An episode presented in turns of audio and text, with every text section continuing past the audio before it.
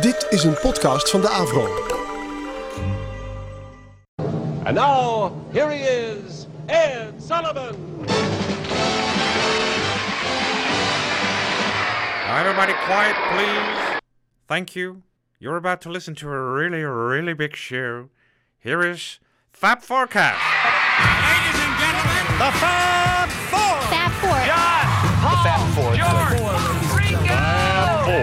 Four. Fab Four. We have for you the Fab Four. Fab Forecast. It won't be long, yeah, yeah,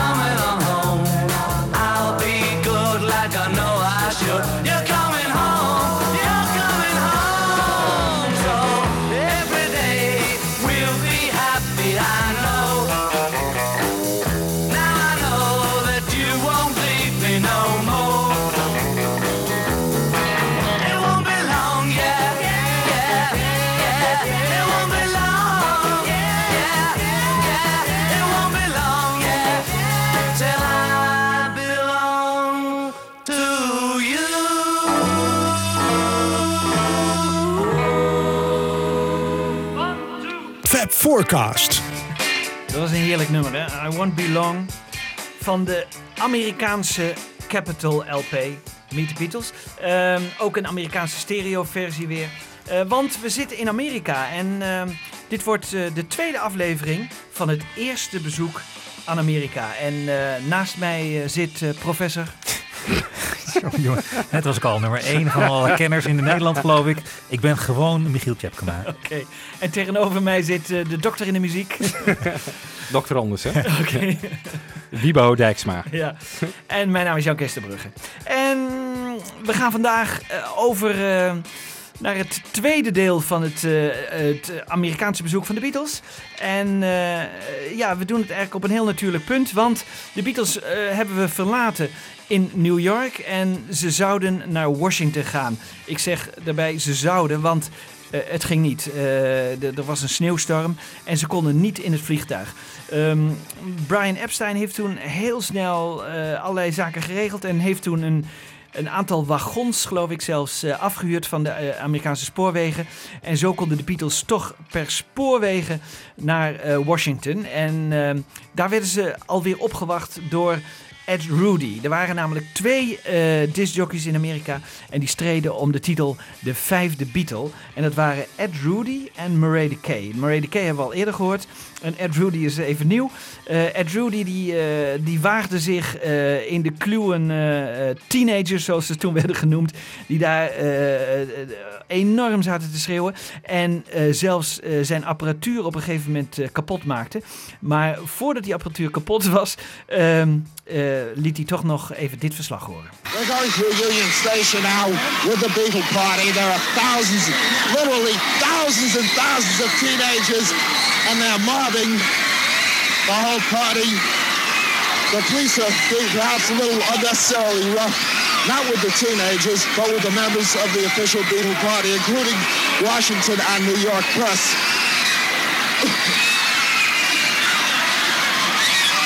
We're walking under a sign saying, Welcome Beatles to Washington.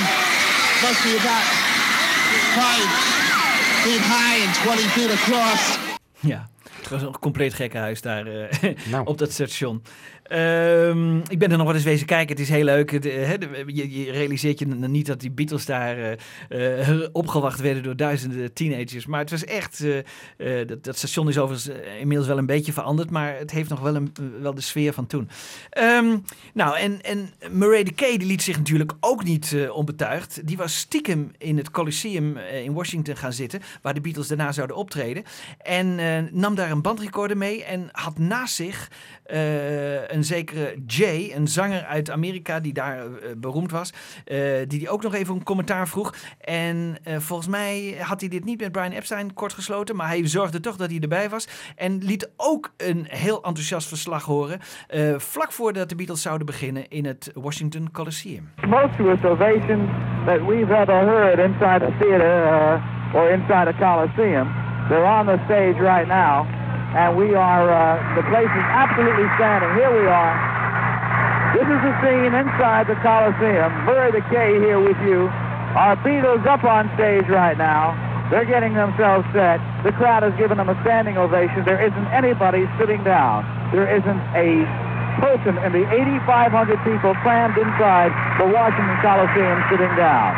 They're just screaming. All they're doing is making moves. The fellas are plugging in their amplifiers, getting set, and uh, they'll continue in a minute. And, and then as soon as we get through describing the scene for you, we'll uh, try to get back uh, to the studio, and we will get back to the studio and use it. We just want you to hear this reception that the Beatles are getting. As uh, Hey, Jay, this is Jay at Jay the American standing close to me. What do you think of this? I never saw anything like it in my entire life. This is something, I've never seen anything like this in my entire life. Crazy, baby. There, what's happening, baby? The K telling you about the Beatles, baby. De Yeah, baby. ja. Michiel, vertel eens even, dat, dat Washington Coliseum, wat was dat? Eh, waar Ja, gingen de dat Beatles naartoe? Eh, kun je er iets over zeggen? Snel opzoeken, Michiel. Ik zie daar in de hoek zie ik iemand in een boxing staan. Nee, wat, wat was het? Was een soort, ja, gewoon een soort sportring. Eh, een enorme sporthal waar de Beatles dus optraden. En wat ik altijd nou wel grappig vind als je terugkijkt van waar, wat blijf je nou het meest bij van, die, eh, van het verblijf van de Beatles in Amerika? Ik denk dat we het toch eens kunnen zijn dat het Ed Sullivan Show dat dat de grootste, nou, grootste happening was. Maar daarna was het toch wel deze Washington Show. Maar eigenlijk was dat bedoeld, was dat bedoeld als een soort voorbereiding op de Carnegie Hall shows. Hè? De, dat waren de, de- Ja. Sid Bernstein Ja, die dit heeft... eh, die had dat geregeld en dat moest echt het hoogtepunt zijn. Als je achteraf hoort wat eh, de Beatles daarover zeggen, die zeggen van, nou, Carnegie Hall, dat vonden we verschrikkelijk. John Lennon heeft dat echt met zoveel woorden gezegd. Een verschrikkelijk optreden, waren niet te horen.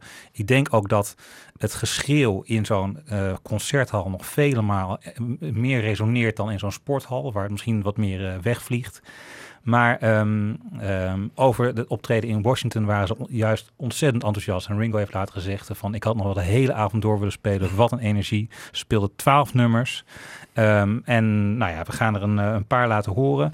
Ehm, om te beginnen met het nummer van Ringo. Want die kreeg vanaf deze periode ook een eigen showmoment in de concerten. En Ja, Ringo was populair hè, Ja, in, ja. eh, in Ja. Amerika. Ja, Ik kan me herinneren eh, van de foto's of de beelden. Ringo for president zelfs. ja, Ja. Hij was Ja. echt de meest geliefde Beatle. Wat op zich wel apart is. Ja, Ja, waar hoe echt kwamen ze knuffelbeer. daarbij? Ja, knuffelbeer denk ik. Ik weet niet Ja. waarom, maar... Ringo Starr klinkt ook lekker Amerikaans. Misschien is dat het wel. ja, ja, oké. Dus het eerste nummer wat we horen is... eh, I Wanna Be a Man? Laten we doen. Well, uh, for this spot, we'd like to feature somebody who doesn't often get much of a chance to sing.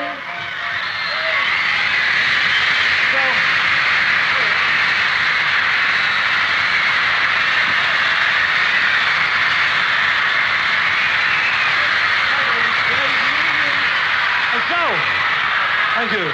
So now, singing a song which was also on the album that we made. Singing a song called I Want to Be Your Man, our drummer. A big round of applause for our drummer Ringo.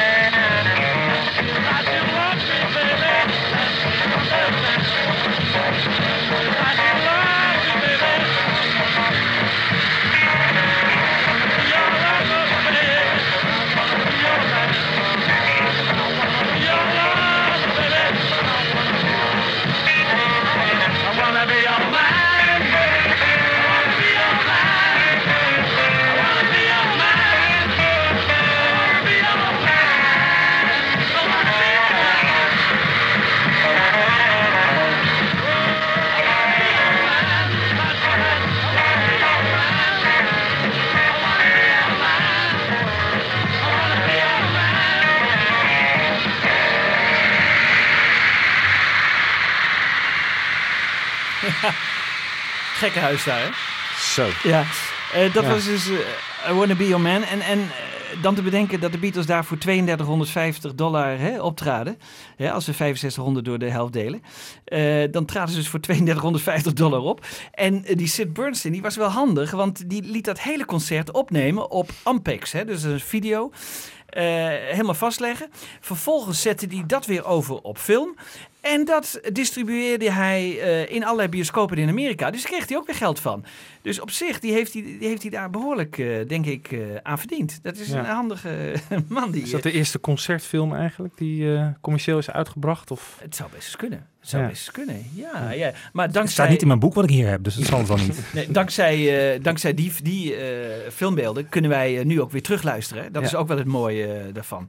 Deze film is trouwens, ik denk een jaar geleden of zo in Amerika, eh, zou het uitgebracht worden. Er Oh. zou, waren een aantal bioscoopdata ook al eh, en, en bioscopen geboekt. Ja, En op het laatste moment is dat teruggetrokken door Apple.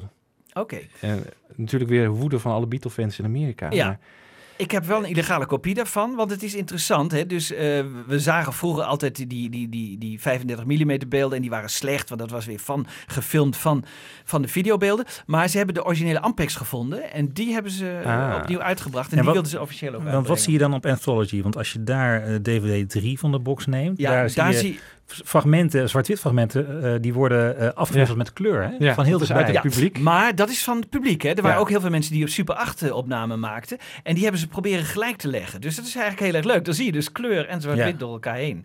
Wat ook weer heel bijzonder is. Want McCartney heeft dat eh, 30 jaar later of 40 jaar later gedaan... Door, door kleine cameraatjes aan het publiek te geven en ze zo te laten filmen. En dat weer in zijn concertfilm te laten eh, terugbrengen. Maar eh, de Beatles deden dat dus al in de Anthology, ook al in, eh in 95. Dus dat was echt, eh, ja, was een, was een leuke vondst. En, eh, en heel bijzonder. En, en ze draaiden ook, hè, Michiel? Eh, dat, dat, dat is toch ook wel bijzonder. Ja, wat ik, maar wat ik zelf daar altijd het meest bijzonder van vind, is dat ze Ringo zelf, dat die, die riser, waar hij met zijn Ja. drumstel op stond, zelf lieten ronddraaien. Op een gegeven Ja. moment zie je hem echt half door zijn rug gaan. En het ding, dat, eh, dat gaat vast, hè? Tenminste, dat, eh, Ja. het komt vast te zitten. Er moet Mel Evans volgens mij aan te pas komen om er... eh, Ja, ja. Ja, Ja, volgens Ja, mij Maar wel. het idee was, die riser, ze zouden voor het hele publiek, hè, wat dus Ja. Rondom, als een- rondom het vierkant was eh, gepositioneerd, Ja. het hele publiek zou ze een keer van voren moeten zien. Dus ze moesten helemaal een 360 maken. Ja, en dus die microfoons moesten ook voortdurend eh, Ja. gewisseld. En dat Ja. liep ook allemaal mis. En hier aan het begin hoor je Ringo ook weer heel slecht eh, Ja. qua geluid. Hè. Dat, die komt later pas terug, maar dat hoor je heel slecht. Dus eh, dat, ging ook allemaal niet zo goed. Maar het deed er allemaal niet toe, want die tieners... Ik denk dat ze de Beatles niet eens hebben kunnen horen door dat geschreeuw. want het was ongelooflijk. Het was seks. De microfoon van Ringo was volgens mij ook de, de microfoon van George of zo. eh. Die moest dan Oh, even, hup. Ja. Die werd dan naar Ringo gebracht. Ze moeten gewoon allemaal, ze waren hun eigen Rodi eh, tijdens Ja. het concert. Dat is Ja. heel raar. Ja. Twaalf nummers. Ze, meestal sloten ze af met één nummer, eh Wibo. Eh, Ja. ja. Dat Eh, was, ja, een, favoriet van Paul, hè? zeker. Paul en zijn Little Richard voice, Ja. die hij heel goed kon imiteren. Ja. Het was inderdaad, en op het allerlaatste Beatle-concert in San Francisco in 66 Ah, ja. was dit ook de afsluiter. En die speelden ze dus ook al in, eh, in Washington, hun Ja. eerste live concert. Was het ook de afsluiter eh, van Washington? Ja. Ik denk het Ja? wel, want dit was altijd de afsluiter eh, die eh, McCartney koos. Hè, Ja. Voordat hij I'm Down eh, deed, eh, deed hij eh, veel, heel veel Long Tall Sally. Ja. Yes. Nou, je hebt de titel al verklapt. Oh, sorry. Komt-ie. I'm tell and Mary,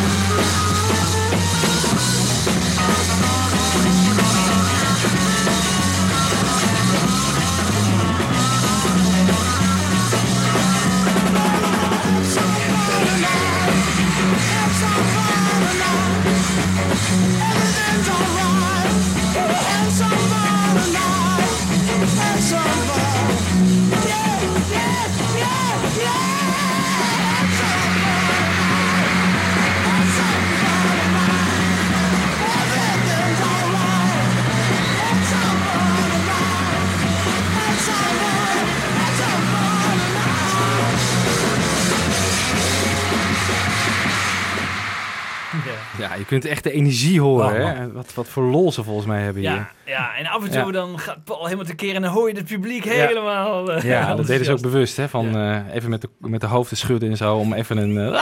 Ja. te ontlokken. Ja. Ja, hier was... eh, Maar deze, ik bedoel, want eh, Wiebo, je hebt gezegd van als, als iets bovenaan mijn wenslijstje staat, dan is het wel een, eh, een live, ja, gewoon een live compilatie van eh, optredens van de Beatles. En daar zou deze toch zeker tussen moeten staan. ja, alleen de solo van George verdrinkt helemaal. Dat vind ik dan wel weer jammer. maar ja, qua energie Ja, Ja. zit dit wel, eh, zit dit wel Je goed, hoort ja. dat ze het geweldig vinden. In Ja, zin. overigens dit geluid is zwaar opgeknapt. Vind ik heel goed gedaan hè, eh, voor de Anthology eh, in, in 95. Dus Ja. je hoort gewoon dat... Ze hebben er zelfs een bepaald stereo-beeld een beetje in proberen te brengen. Eh, ze hebben nog extra publiek er overheen gezet wat in stereo is. Dus het, het klinkt nu best aardig. Want Ja. het origineel klonk echt eh, slechter. Maar dat hebben ze heel goed gedaan. Weet je trouwens dat op diezelfde na afloop van dit, eh, dit optreden in de Washington Col- Coliseum hebben ze nog een ontmoeting gehad met inderdaad Carol James en Marcia Albert, die we aan het begin, die we in de vorige show hebben behandeld. Hey! Ja, dus die hebben ook nog Leuk even een handje feitje. gegeven. Hey! Ja, ja. Heel leuk. Ja, heel ja. leuk. heel En wat ik ook leuk vind, is dat Paul McCartney in, eh, als hij Please Please Me aankondigt, ook even memoreert dat eh, dit nummer een half jaar eerder was uitgebracht en kennelijk helemaal niks deed. Maar now it's doing something. Dus dat is ook, Ja. eh, hij is ook een beetje historisch bewust van wat er in de tussentijd allemaal gebeurd is. Ja. Dat, dat, dat noemt, benoemt hij ook echt. Dus dat is mooi. Ja, dat deed hij met Please Please Me ook. Heel erg leuk. Ehm, nou ja, die, die, die Ed Rudy die we net al even horen, die gekke discjockey, die, ja, die probeerde toch wel een beetje in het gevlei te komen bij George Harrison. En George noemde hem zelfs de vijfde Beatle. En zelfs halverwege het concert wilde George al de mensen bedanken en zo, hoe geweldig ze hebben gereageerd. Laten we even luisteren. This is the top complete behind the scenes coverage of the Beatles in America by the fifth Beatle, Ed Rudy. This is one of the original four Beatles, George Harrison, saying thank you for the wonderful reception we've received in the United States. And stay tuned for Ed Rudy's report. Stay tuned voor Ed Rudy Report. Ja. Wat heeft hij toch een vet Liverpools accent. Ja. Enorm. ja. Altijd gehad, hè? George, Altijd, George ja. meest, hè? George meest, ja. Ja. Goed. Toen eh, kregen ze een soort plichtpleging, hè? Want eh, ze moesten, avond. ja, die avond moesten ze naar de ambassade, eh, de Engelse ambassade in Washington. En ja, wat gebeurde daar, Michiel? Nou, volgens mij was het georganiseerd door Brian Somerville, nog die, de, de persagent van, van de Beatles. Ah. Die had een soort prijsuitreiking al op dag één georganiseerd. En de prijsuitreiking zou die avond op de, de, de Engelse ambassade zijn in, in Washington. Ja. En ehm, ja, ik vond we wat even voorbesproken net. En jij zegt eigenlijk dat de, de afkeer van met name John, maar eigenlijk alle Beatles, eh, van allerlei plichtplegingen, met name als ze politiek geladen waren, die is eigenlijk hier geboren, hè, die avond. Ja, ja. Want het was zo, eh, die, die, al die mensen die daar op die ambassade waren, die, die, die vonden de Beatles eigenlijk niks. Maar die wilden toch handtekeningen voor hun kinderen of familie in Engeland hebben. En toen John op een gegeven moment een handtekening zei, toen zei één iemand, goh, hij kan zelfs schrijven. En eh, John heeft toen, is direct gestopt, heeft het teruggegeven. Hij heeft niks gezegd, dat wat voor John al heel bijzonder was. Maar hij had het toen eigenlijk al helemaal gehad. Vervolgens is er een dame geweest die eh, Ringo een stuk haar heeft afgeknipt. Nou, het Ja. was allemaal ellende. Dat daar. was met name de druppel. Dat was met name Ja. de druppel. Maar goed, eh, zover was het nog niet het volgende fragment. Want toen was Ringo nog goed gestemd. En ehm, Ringo eh, liet zich eh, kort weer even interviewen. Ik dacht door Murray de Kay. En eh, eh, ze hebben, zitten gewoon wat te geiten met elkaar. En eh, eh, Ringo eh, over zijn rol als sekssymbol in Amerika. Want hij was erg populair daar. Ringo, you've been called the sex symbol of the Beatles. Why? Joking. I, I've never heard it in my life. You're lying. No, I'm... Sorry, no, we're going to get straight Uh, the do, you- do you consider yourself a sex symbol in any... No, not at all. You, you can see me, you know I'm no sex symbol. You see my face. we never expected anything like this. You know. How do you compare this to, to your European reception? Um, it's pretty similar to England. It was different in France because the 78% of the boys were um, boys, you know, of the audience. Hello, Robbie. Uh, why were 78% of the audience boys? There's only 24% were girls. 22%. Is this your pen? 22%. I One made for- mistake. one for next little suddenly. Ringo, do you like all this attention? Um, no, it doesn't right. I like it when I'm on stage. Ja.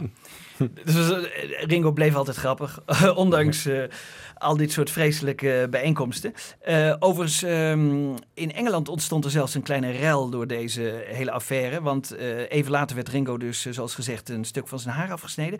En toen wilden zelfs lagerhuisleden van de Labour Party wilden, vragen in het parlement gaan stellen. Ehm, dat heeft eh, Brian Epstein weten te voorkomen. Die dacht, we moeten dat niet hebben. Die heeft gezegd, we hebben ons eh, enorm vermaakt in de ambassade. En eh, er was niet echt iets aan de hand. En eh, d- eh, laat die vragen maar zitten. Dus dat heeft uiteindelijk niet tot vragen geleid. Maar in de pers werd wel hoog opgegeven van hoe de Beatles daar toch schandalig waren behandeld. Nou, Ringo en John zeggen het volgende erover. We were standing around saying hi, it's very nice, and having a drink. Uh, one of them came up behind me and snipped a piece of my hair off. You know, which got me angry, so I just swung over. What the hell do you think? you're- Ah, it's okay, I was just, you know. Some bloody animal cut Ringo's hair, you know, in the middle of. I walked out of that, you know, swearing at all of them, and I just left in the middle of it. We zijn nog steeds op 11 februari. Het feestje op de Engelse ambassade loopt dus niet helemaal goed af. En een dag later vindt dus het optreden plaats in Carnegie Hall. En dat is nou jammer. De muziekbonden die hebben wederom weten te voorkomen dat daar opnames van zijn. Dus ik heb... Ja, eh, Capitol wilde het graag, Ja, hè? Capitol wilde het graag. George Martin wilde het graag. eh, maar er zijn geen, optreden, eh, geen opnames van het optreden in Carnegie Hall. Wat wel weer, weer mooi is om te zien. Er zijn foto's in dat boek van Bruce Spicer te zien. Waarbij je dus ziet dat de Beatles op het podium zitten. Het is een, echt een soort, eh, ja, een beetje een concertgebouwachtige setting. En er zitten ongeveer eh, nou, de 100, 150 man om de Beatles heen op het podium. Omdat ze dus weer een ernstig tekort aan tickets hadden. En eh, ook daarover was John achteraf helemaal niet te spreken. Hij vond het dus een verschrikkelijk optreden. Zeg, ik vind het wel bijzonder. Dat eh, die, die, die tieners, die houden zich eigenlijk heel rustig. Ja, ja, ja, ja. Het had natuurlijk enorm verkeerd kunnen gaan, Ja, maar het blijft... Zoals in Nederland liep het helemaal uit de hand. Ja, is het nou zo? Want dat bleef toch ook redelijk gemoedelijk. Ja, Of- maar het ging op een gegeven moment allemaal rond Ja. de Beatles. En, en hè, eh, dat verliep in een cha- chaos. McCartney verliet het, eh, het podium in Nederland. Dus hier eh, verliep het eigenlijk allemaal vrij rustig. Maar Maar, Carnegie Hall, wat is, dat, wat is dat voor hal, eh, Michiel? Klassieke muziek, zei je? Ja, nou, de- de- zeker voor klassieke muziek was het, het standaard, eh, was het standaard publiek daar. En schijnt dat Sid Bernstein, eh, de, eh, ja, de boeker eigenlijk van Carnegie Hall, ook een beetje voor de gek heeft gehouden. Hij zei, er komt een, een kwartet komt er, komt er spelen. en die mevrouw Sa- Satescu, Iona Satescu, die dacht dus dat het ging om een strijkkwartet. Dat hij die avond kon spelen. En Sid Bernstein heeft dus ook maar 1750 dollar betaald, kan je nagaan, voor de huur van die enorme klassieke schouwburg. En eh, nou goed, dat was Een toch wat ook anders. ja. Wat een boef, ja. Ja. Ja, geweldig. Ze mocht ook niet meer, hij mocht nooit meer terugkomen, toch? Met Nee. een act daar. Nee. nee. gewoon een live ban eh, opgelegd Ja. gekregen. Ja. Ja. Ehm, zeg Michiel, de Beatles waren niet tevreden over hoe ze in Amerika eh, werden versterkt. Hè?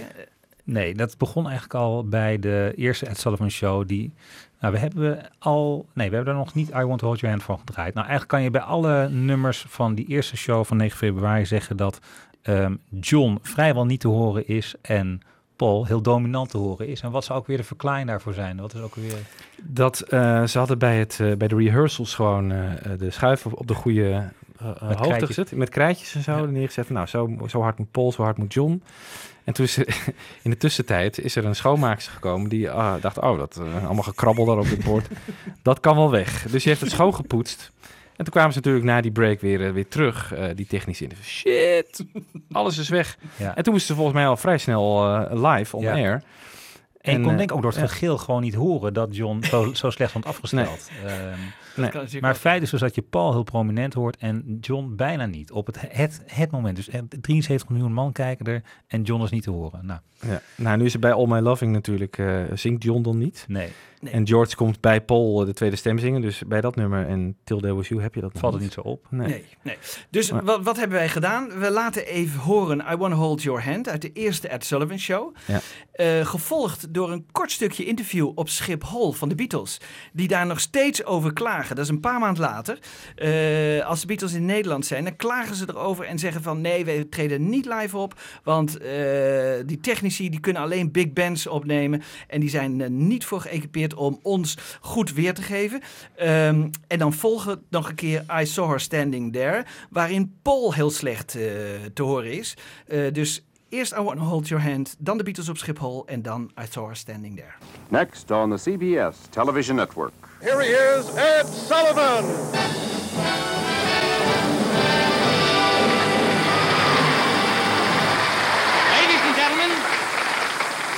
Here are four of the nicest youngsters we've ever had on our stage, the Beatles.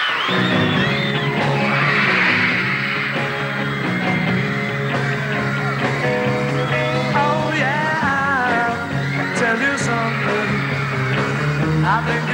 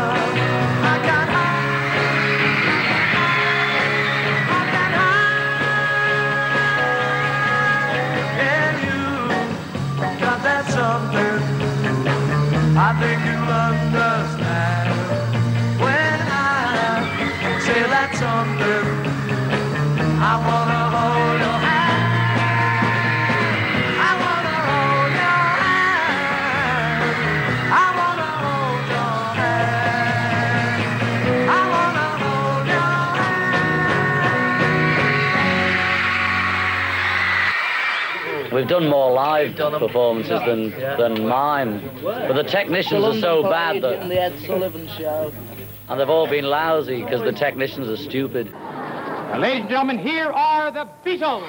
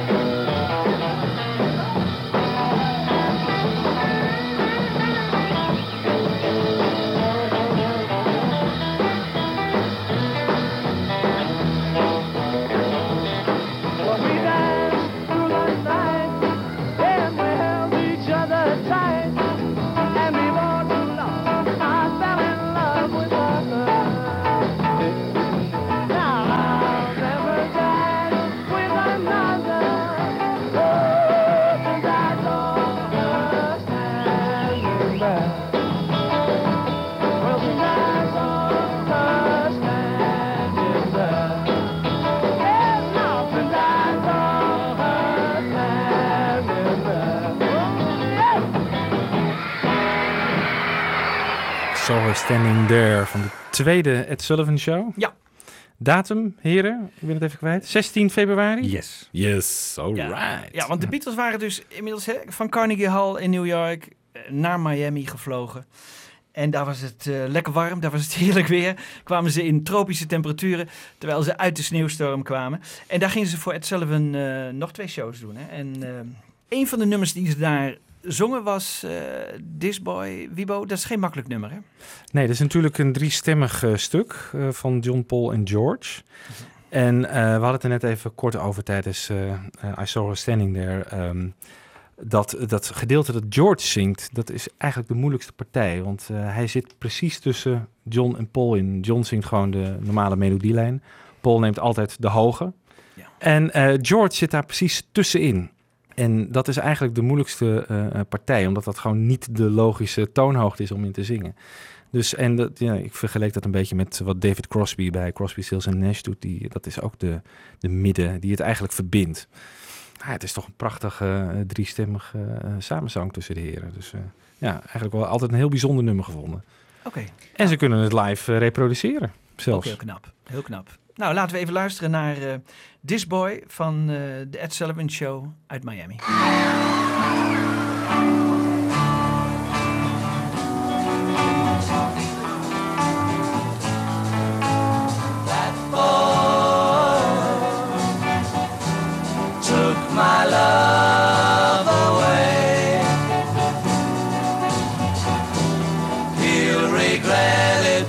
someday. This boy wants you back again.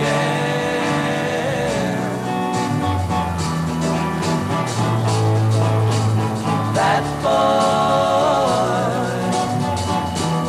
isn't good for you. Though he may want you to. This boy wants you back again.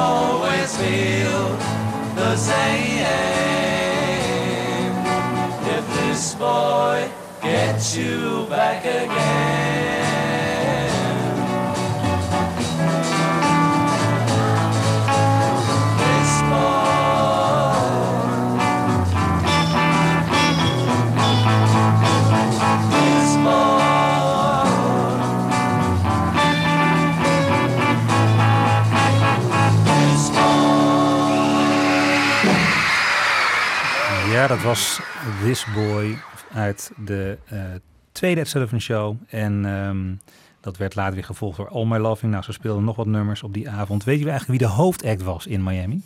Nee. Jij? Eh, Want in, Wat we bij, Dolly eh, and her Flying Gaynor- Birds, ik weet het niet. Ja, nee, Missy Gaynor inderdaad. Gaynor, dit was ja. een, een, een, een Hollywoodster. En dat is wel leuk van die eh, DVD die een paar jaar geleden is uitgekomen met de Four Complete Historic Ed Sullivan Shows. Dat je ziet wat de context was. Hè? Want ik bedoel, Ja. wij kijken en luisteren nu alleen maar geïsoleerd naar de Beatles. Maar wat er omheen aan variété was. Ja. Waaronder ook iemand in Nederland, als, ik niet, als ik me niet vergis. Hè? Fred Kaps. Ja. Fredje Kaps. Wereldkampioen Goochelaar.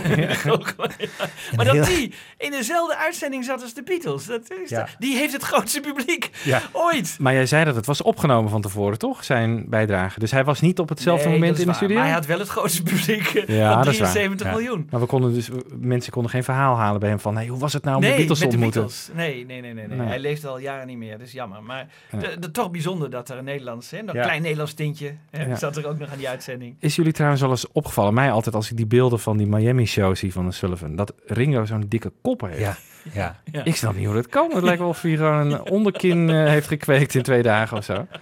Heel Ja. raar. Ja, ik denk, ja, ik, het is me ook wel eens opgevallen. Of Ik weet- vocht, of Ja. vocht vasthouden, zo Ja, de dat zou natuurlijk ook kunnen. Ja, dat Ja. zou natuurlijk ook kunnen. Ja, voor de, van die overgang van die kou naar die warmte. Dat zou kunnen, ja. Dat zou natuurlijk heel goed kunnen. Wat Ja. ze wel later bij terugkomst in Engeland zeggen, is dat ze met name van Miami hebben genoten. Ja. Je moet je voorstellen, vier van die uh, bleekscheten uit Liverpool, die daar in de winterkoud hele land moeten doorrijden en dan opeens in Bloody Miami aankomen. Wat, een, wat een paradijs moet dat zijn geweest. Eh, En je, je, het is ook bekend dat ze eh, daarin bij Brian Epstein hebben aangedrongen om vier dagen extra vakantie te krijgen, om nog wat langer van de zon te genieten. Ja. Ja. En weet jij ook dat er twee beroemde boxers in het eh, publiek zaten? Ja, dat eh, nou in het publiek. eh, ja, is- Sonny Liston en Joe Louis. Oh. Werden nog speciaal door Ed Sullivan Oh, genoemd. ja, dat is waar, Moesten ja. gaan staan. Ja. Dus twee, eh, ja, Sonny Ja, Liston was eh, regerend, dacht ik, wereldkampioen boksen. En Joe Louis was oud-wereldkampioen boksen. Allemaal omdat daar de grote wereldkampioenschap zwaargewicht boksen zou plaatsvinden tussen Sonny Liston en Cassius Clay. En daar weet jij iets van, hè? We weten er allemaal wel wat van. Maar ehm, inderdaad, het is eh, aardig om even te vermelden dat eh, er allerlei plichtplegingen natuurlijk komen kijken bij het eh, zijn van een, een buitenlandse band die zo ver schopt in een ander land en dan met name Amerika. En een van die plichtplegingen was een ontmoeting met Cassius Clay, dus de latere Muhammad Ali. En die foto's kennen we allemaal wel. Ehm, Waarbij je dus ja, als een soort domino-effect eh, Mhm. de, dus, Ja. eh, Cassius Clay een, eh, een, een stomp geeft aan, geloof eerst George en daarna kantelt het zo verder Ja. omheen. En ik ken met name van foto's, maar weinig bewegende beelden van. En eh, ja, ook hier even, he- heeft George later gezegd van ja, god, dit soort dingen die worden dan voor je geregeld. Hè? Je wordt gewoon een soort zaal binnengestuurd. Eh, er zijn allemaal, eh, allemaal, allemaal mensen met, met camera's en dan moet je een beetje lollig doen. Maar ze vonden het eigenlijk helemaal niet leuk. Want dan nee, moesten- want ik heb zelfs begrepen dat Paul McCartney helemaal niet wilde naar Cassius Clay. Die wilde naar Sonny Liston, want die dacht, Liston gaat winnen. En als wij nu met de verliezer op de foto staan, dan is dit helemaal niet goed voor ons image. Ja. Die dacht meteen alweer aan het image natuurlijk. Ja, Ja, ja, toen ja, al. ja, ja. Zeg, daar is er een radioreportage over gemaakt? Ja, en de BBC heeft een hele show over gemaakt. En eh, nou, Cassius Clay was een beetje zichzelf op de, op de borst aan het roffelen van... eh, I'm the greatest and you lousy little worms. En eh, de Beatles moesten allemaal op de grond gaan liggen. En hij tilde Ringo als een veertje op. En eh, ehm, wat grappig is, is dat John weer zijn scherpe zichzelf was. En eh, dat horen we nu even in dit korte fragmentje. lines him up for that shot where it looks like he's hitting them and they're all going down and so forth. And, and he says to John Lennon, who was the only clever one of the Beatles, who was the, the guy had the real mouth. He said to him, You're not as dumb as you look, which was a thing that he said to everybody. Ali said this. Yeah, he said it to the Pope, you know, he said it to everybody. You're not as dumb as you look. He just, yeah, it's a, a funny thing. And, and Lennon said, Yeah, but you are. I said, Ali, quit with him. you can't beat that guy. That famous photograph of holding Ringo up. Yeah. Can I just ask you about that photograph and what you remember of it? Yeah, we were in Miami to play the Ed Sullivan show, and uh, Muhammad Ali, or Cassius Clay as he was then known, was there. So we were taken along as a publicity stunt to his training camp. And he was he was very funny, you know. He, he did all his jive and you know I get the Beatles and you know all this stuff, you know. And we did a photograph lying down like he knocked us all out. It was funny because many many years later I was at uh, a dinner to do with the United Nations and I was being honoured there in New York, so I had to do a little speech. And he was now Muhammad Ali, uh, much older, uh, obviously was uh, in the audience. So I was so sort of impressed with him being there, and I, I love him so much. You know, he's such a great man for his country, for his people, and he's a great guy. Um, that I, in the speech, I, I was just saying it is so great, such an honour to be in the same room tonight as Muhammad Ali. I said, who I met, you know, in Miami in the 60s. And they said, and there was one moment I looked at him, I said, I could have taken him. I said, I was there, I was young, I was fit, I, he wasn't looking, I could have taken him. And he's just looking up from his from his table and he's just twisting his finger around at his head, going like, you're balmy. Yeah. So he's still got a great sense of humor, I love it. Ja. Grappig, hè? McCartney weet er nog veel van. Ik vind het wel erg leuk. Hij weet het allemaal nog. Klinkt die oud? Ja, ja, ja, ja. Oké, jongens, 71. Bijna aan mijn oren, maar goed. 72 bijna. Ja. Maar het is te vinden, de hele documentaire. Als je even googelt op Cassius Clay en Beatles, dan kom je bij de BBC een eh, toch een leuke podcast tegen van een half uurtje over die middag in die, eh, dat trainingscentrum in Miami. Nou, het liep al eh, bijna ten einde, hè? dat hele bezoek van de Beatles. Ze hadden nog wat vakantie. Ik geloof dat Ringo bijna een speedboot nog tegen een steiger Ja. aan heeft ge- gevaren. Ehm, de- ze vermaakten zich geweldig daar in, in Miami. En Murray de Kay de achtervolgde ze als een soort luis. En die wist toch nog één keer met Paul McCartney eh, te bellen. Want hij had toch wel een hele, hele belangrijke vraag. Die kon niet meer wachten. Dus die moest hij stellen aan Paul. Hiya, Paul. How are you? Okay, thanks, baby. Everything happening, baby? Well, yeah, Well, listen, first of all, I want to tell you it's good speaking to you. I spoke to George earlier today, and of course, everybody here in the country is going absolutely ape. The girls have been screaming I, at the uh, closed circuit telecast yesterday. All I heard then when I walked out on stage is one question, and I, they won't be satisfied till I hear it from you. Are you married? Me? Yeah. No. Uh, I don't know how this story's got around, Murray, but I mean, you know, newspapermen have been asking me for months here. It's completely untrue. Right. But, you know, it's completely, it, it, it's, it's a lie, in fact. And none of that uh, jazz about you being married or the engagement or anything like that. Nothing. I've got a girlfriend, that's all. You got a girlfriend. That's all. That's fine. Dat was Jane zeker, denk ik? Ja, dat Jane moet- Asher. Ja, dat moet Jane geweest zijn. Of een van die vriendinnetjes in Amerika. Dat Ja, want hij had er nog eentje daar. Hè? Ja. Ja, er meerdere. later, hè? ja, ja, ja. Ja, snoepert. Ja. maar het was een belangrijke vraag natuurlijk, laten we... Hè? Ja, het was, nee, het was, nee Ja. dat was zeker de moeite Nou, waard. en dat vind ik zelf even- wel opvallend. We hebben in eh, de vorige show hebben we Till There Was You aan het eind gedraaid. En dat is de, eh, Ja. de, het nummer waarin je... De, de- ja, de- Ondertiteling. Ondertiteling, hoe Ja. noem je dat? De, Ja. de- zie je op een gegeven moment Sorry Girls, He's Married bij John staan. Hè? Ja. terwijl ik vind het zo opvallend, omdat dat Brian Epstein eigenlijk alleen maar bezig was met eh, ja, het imago hoog houden dat de Beatles allemaal vrijgezel waren. Ja. Ja. heel apart. Ja, ja. Ja. Ik denk als dat, eh, nou ja, als Brian Epstein dat had geweten, dan had hij niet genoeg genomen met eh, afgekapt worden door, eh, door Ed Sullivan.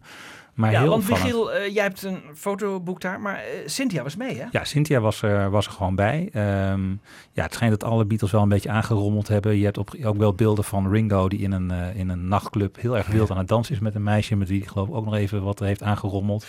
Paul heeft zelfs in, in, eh, in New York volgens mij een actrice ontmoet, Jill Hayworth geloof ik, die die mee wilde krijgen naar, eh, naar Miami. Die is daar ook nog even geweest, maar alle pers kreeg daar lucht van. Dus misschien is dat wel waar eh, Murray de Kate net over had. Oh ja. George schijnt een beetje met een van de Ronettes te hebben aangemodderd. en, ja, en John zat denk ik met een, een kopje warme melk met Cynthia op de bank. Ja. Ook leuk, gezellig. Ja, hoor. gezellig. Ja. Ja, en eh, Brian Epstein zat, zat achter de man aan. dat weet ik niet. Ja. Ja, volgens mij heb je daar wel eh, Ja. wat afgesproken ergens Ja. eh, in het schimmige circuit. Ja. Ja. Ja. Maar goed. Hey, eh, we gaan weer even eh, luisteren naar een eh, Ed Sullivan Show. Dat is dus nu eh, een nummer van de derde Ed Sullivan Show. Eh, 23 februari uitgezonden. Toen waren de Beatles alweer terug. Deze show is, eh, waar het, eh, Michiel eerder al aan refereerde, op de middag van 9 februari opgenomen. Voordat ze voor het eerst op de Amerikaanse tv kwamen. Hij klinkt het beste, deze show. Die, eh die klinkt, Misschien dat de schoonmaakster nog Ja, niet, die was nog niet haar ding had gedaan. Ja, ja. zeker. Dat zou kunnen, want hier zijn ze goed afgesteld. Ja. En we gaan dan nu even luisteren naar Please Please Me.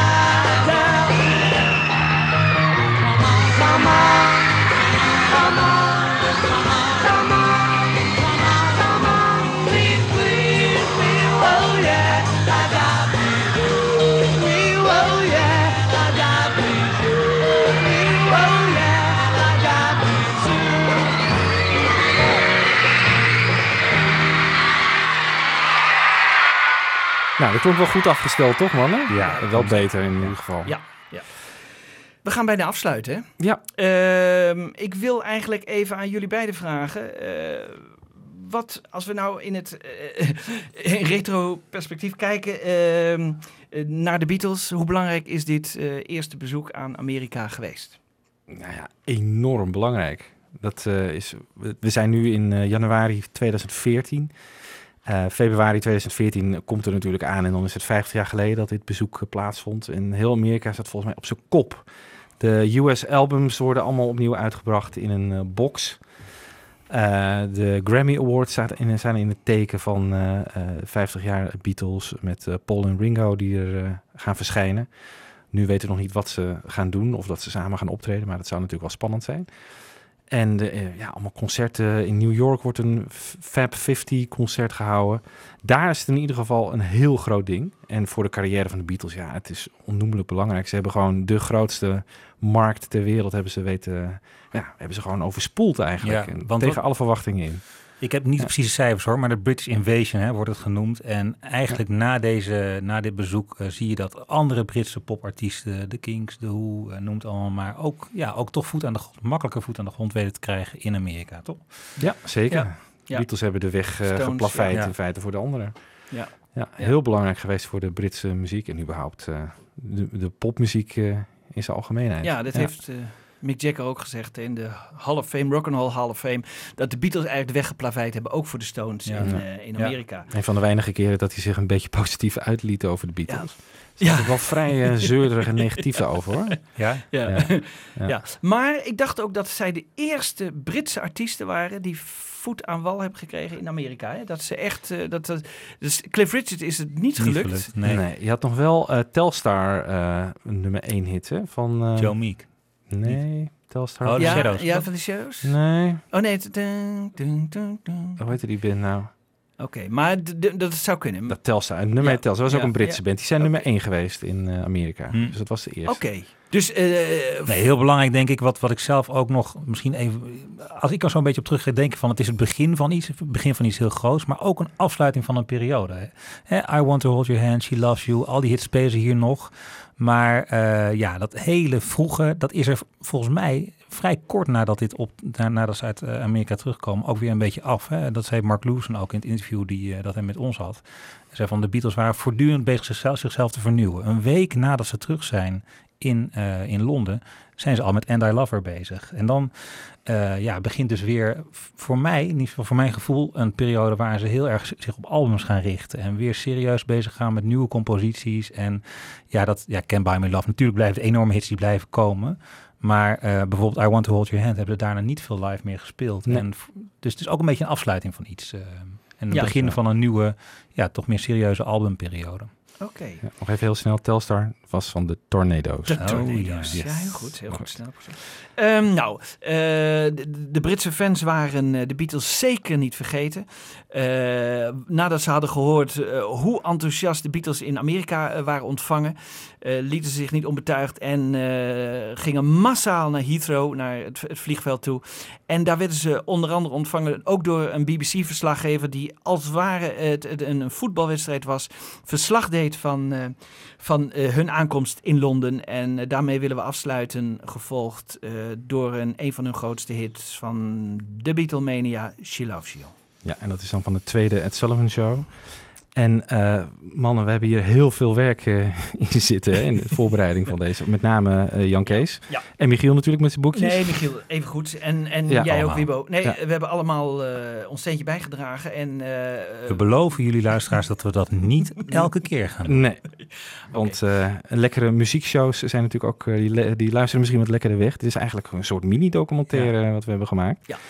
Eh, we gaan het inderdaad niet elke keer doen, maar eh, dat wilde ik nog even melden. Oké. Ja. En dan eh, gaan we eruit met eh, eh, de BBC-verslag van de aankomst weer in Londen. En dan She Loves You. Tot de volgende keer. Bye bye. The Beatles themselves waving. The crowd are really going frenziedly mad now. Four of them are here. First down the steps is Paul McCartney, followed by Ringo. After Ringo, John. After John, George. There they are, all four of them, standing on the steps now, all wearing dark overcoats, white shirts, black ties, looking very smart, and almost very American, dare I say it. They're waving, the flash flashbulbs are popping, the cameras are whirring. The Beatles, the beloved Beatles from Merseyside are back in this country.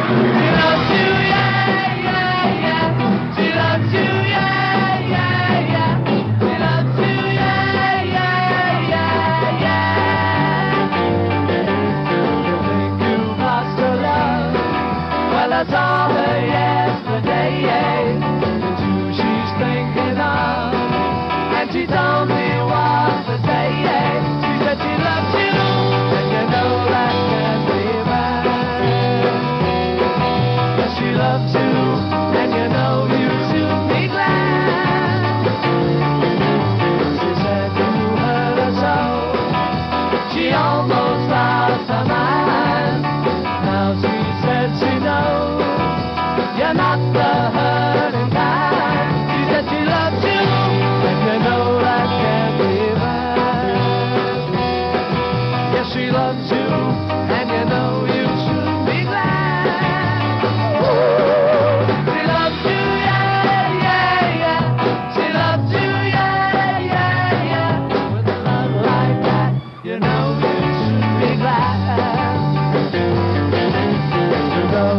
up to you.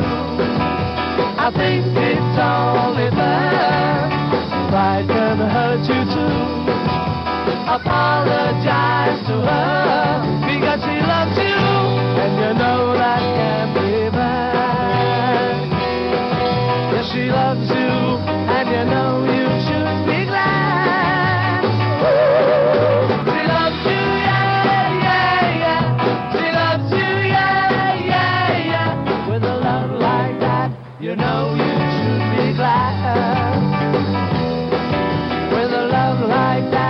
You know you should be glad.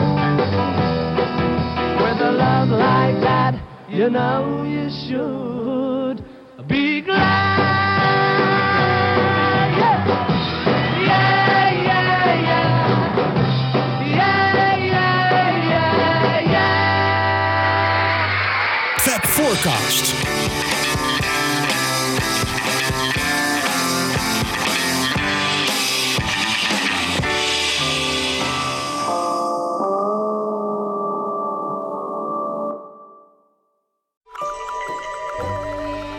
Dit was een podcast van de Avro. Wij maken tientallen podcasts per week.